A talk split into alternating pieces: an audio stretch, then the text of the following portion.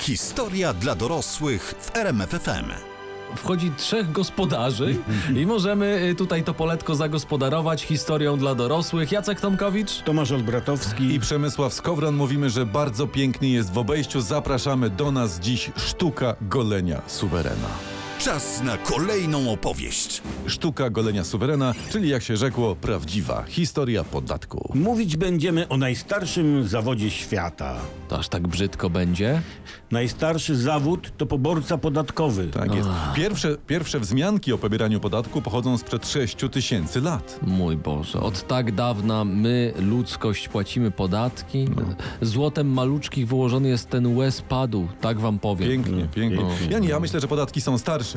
Bo w ogóle, że- jeszcze w czasach jaskiniowych, jak tam praprzodek przytargał do groty zwierzynę, prawda, czy przyszłą żonę za włosy przytargał, no to musiał odpalić szefowi jaskini jakieś, nie wiem, krzemienie, czy tam coś mu tam. No ludzkość zawsze miała lekko pod górę.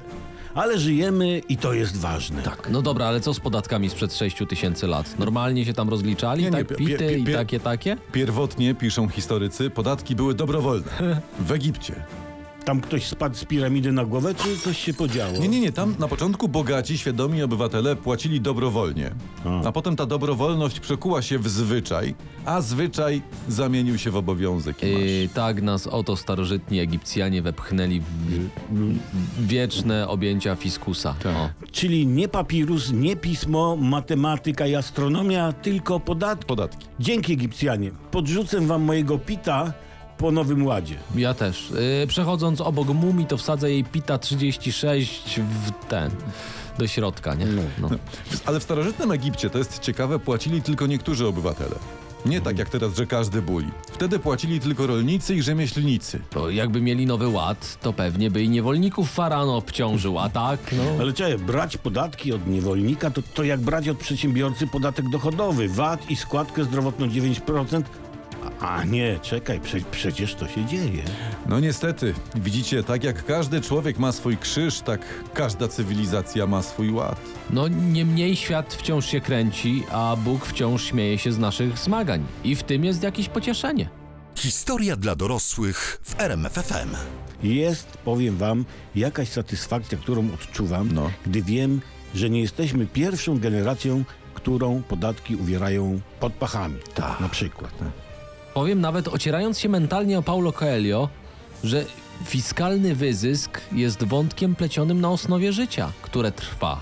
Ty to jest pięknie Proszę powiedziane. zapisać. To jest naprawdę pięknie powiedziane i jeżeli, jak prosiliśmy, prowadzicie wasze zeszyty do historii dla dorosłych, to zanotujcie to sobie najgrubszym flamastrem, jaki macie w domu. Tak, sprawdzimy na koniec roku i postawimy po plusiku. Dobrze, teraz wracamy w, w historii dla dorosłych do Egiptu, który to w świetle historycznych dokumentów pisanych jawi się fiskalną awangardą starożytności. To Ja podejrzewam, że jak chciał faraon sieknąć sobie piramidy, to chyba VAT na krokodyle to wywaliło do 70%. Nie? No właśnie widzisz, i źródła podają, że podatki w starożytnym Egipcie były na tyle dotkliwe, że wywoływały e, bunty. Te bunty tam wybuchały, tu nie będzie niespodzianki. Nie będzie faraon pluł nam w twarz, mówiły Egipcjany. Tak. Tak, ni dzieci nam Germanium dodawaliby, gdyby wtedy były Niemcy. Chyba Romanił. No.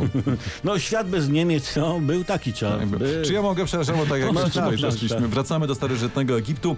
Zachowały się notatki o wielkim buncie antypodatkowym zapanowania XIV dynastii, czyli to było jakieś 1700 lat przed Chrystusem.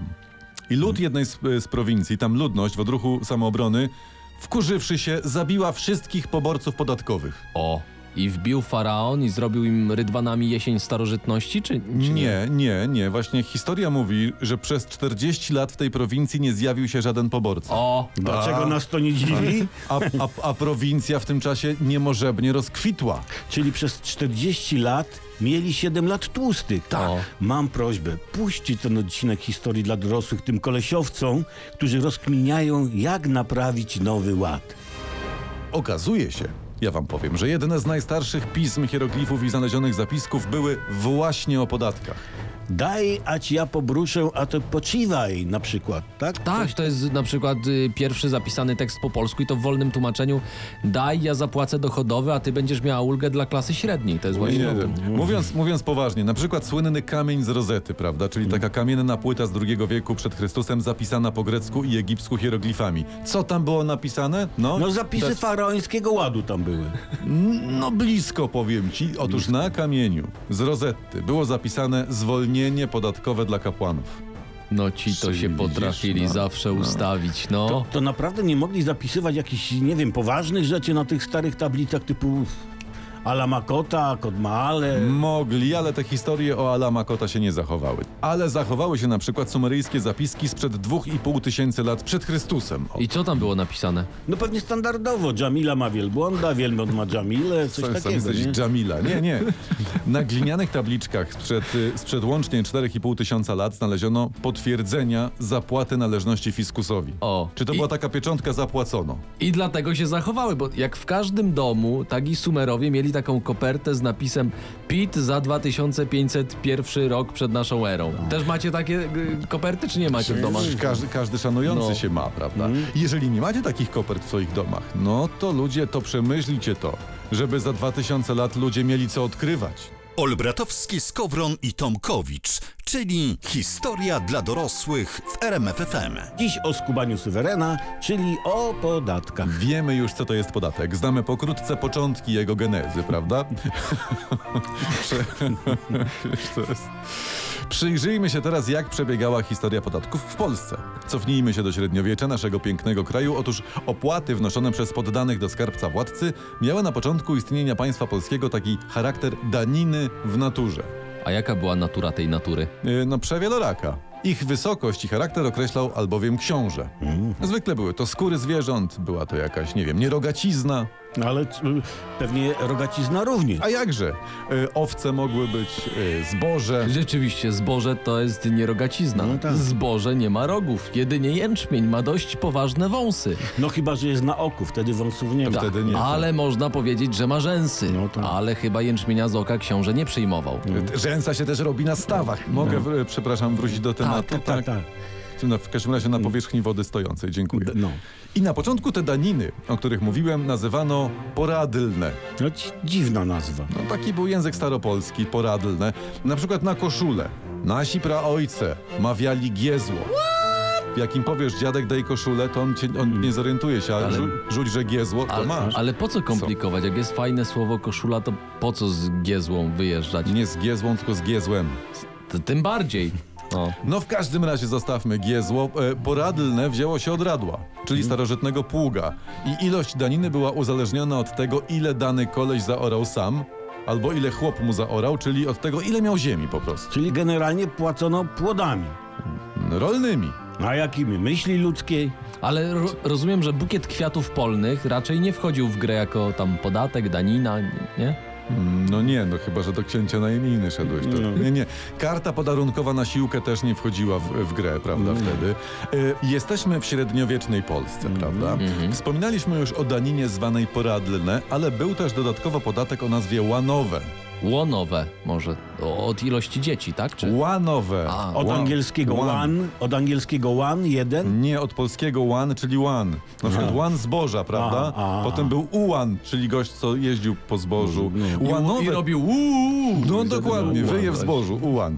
Łanowe to było mniej więcej to samo co poradlne, czyli tutaj wysokość daniny zależała od wielkości uprawianego pola.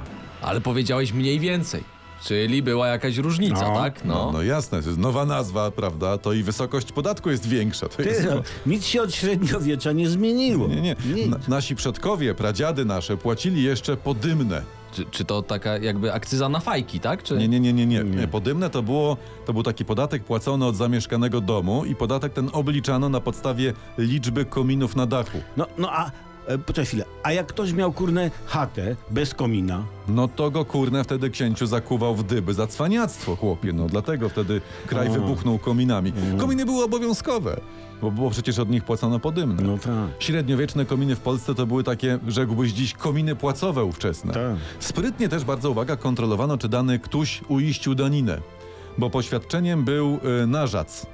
Na co? Narzac A. to od narzynania. Aha. Poborca podatków nacinał, uwaga, dwa równoległe ustawione kijki. Jeden z kijków zostawał u podatnika. A ty to poważnie mówisz, Powa- czy ja, ja poważnie, sobie poważnie, robię? poważnie. Okej. Dwa kijki nacinał, jeden kijek zostawał u podatnika, a drugi kijek brał poborca. Aha. I w razie wątpliwości można było się upewnić, że danina poszła do księciunia, ponownie przystawiając do siebie kijki. Sprytne. No, narzac to był taki, taki dzisiejszy, znaczy to, taki średniowieczny pit to był. No. Okej, ale, ale co miał, opowiedzmy sobie ogólnie, co miał wtedy podatnik, czy tam daninnik, nazwijmy to tak, z tego, że uiszczał bydło czy zboże władcy? No. Mm, no miał to samo co dzisiaj. Satysfakcję, że władca kwitnie. Jak ten bukiet polnych kwiatów, którym nie można było płacić mu daniny w naturze. Dokładnie. Dokładnie. Znane wydarzenia w krzywym zwierciadle. Dużo mówiliśmy już o podatkach, o wysokich podatkach i o podwyżkach podatków. To ja teraz zrobię coś na odwrót, bo No. teraz będzie o obniżce podatków. Mm. A to jest coś takiego? Tak, jak się politycy bawią w prima aprilis. Albo jak im się strony ustawy źle wydrukują. To innych sytuacji z obniżką podatków nie znam, ale Nie, może tutaj może, coś czekajcie, kolega wie, czekajcie, czekajcie, odkopał. czekajcie, czekajcie, czekajcie. Historia jest na tyle bogata w wydarzeniach, że było i takie coś. I teraz wam opowiem o obniżce podatku, o obniżce, która spowodowała protesty.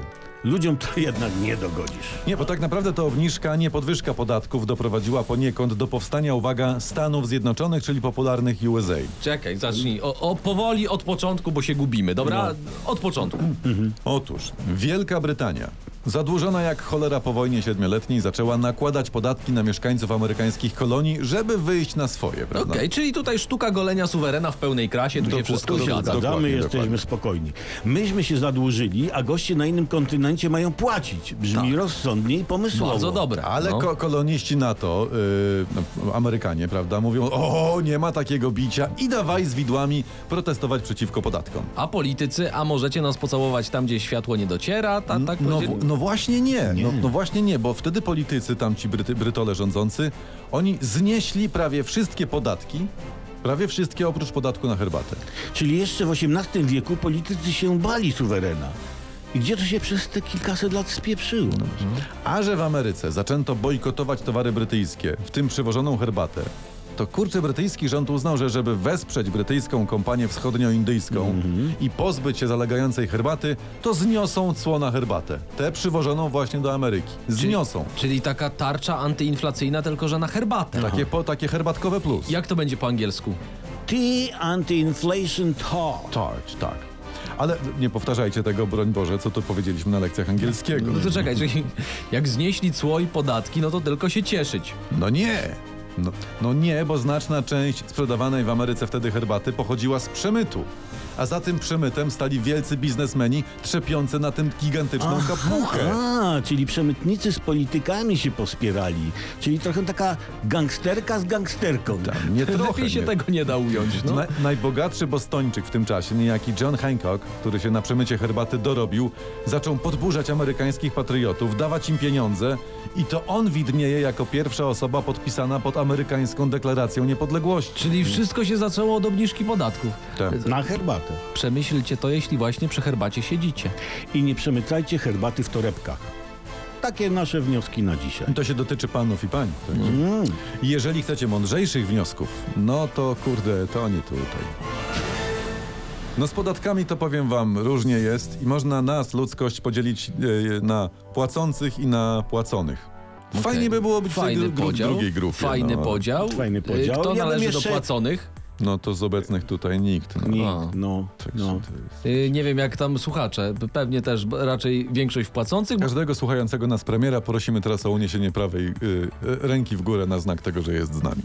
Dziękujemy panów, panom premierom. Mhm. Polecamy się. Mówcie o nas dobrze na mieście. Radiowcy bez cenzury, Jacek Tomkowicz. Tomasz Olbratowski. Przemysław Skowron, całujemy was mocno i tam, gdzie lubicie. Czyli w kuchni na przykład.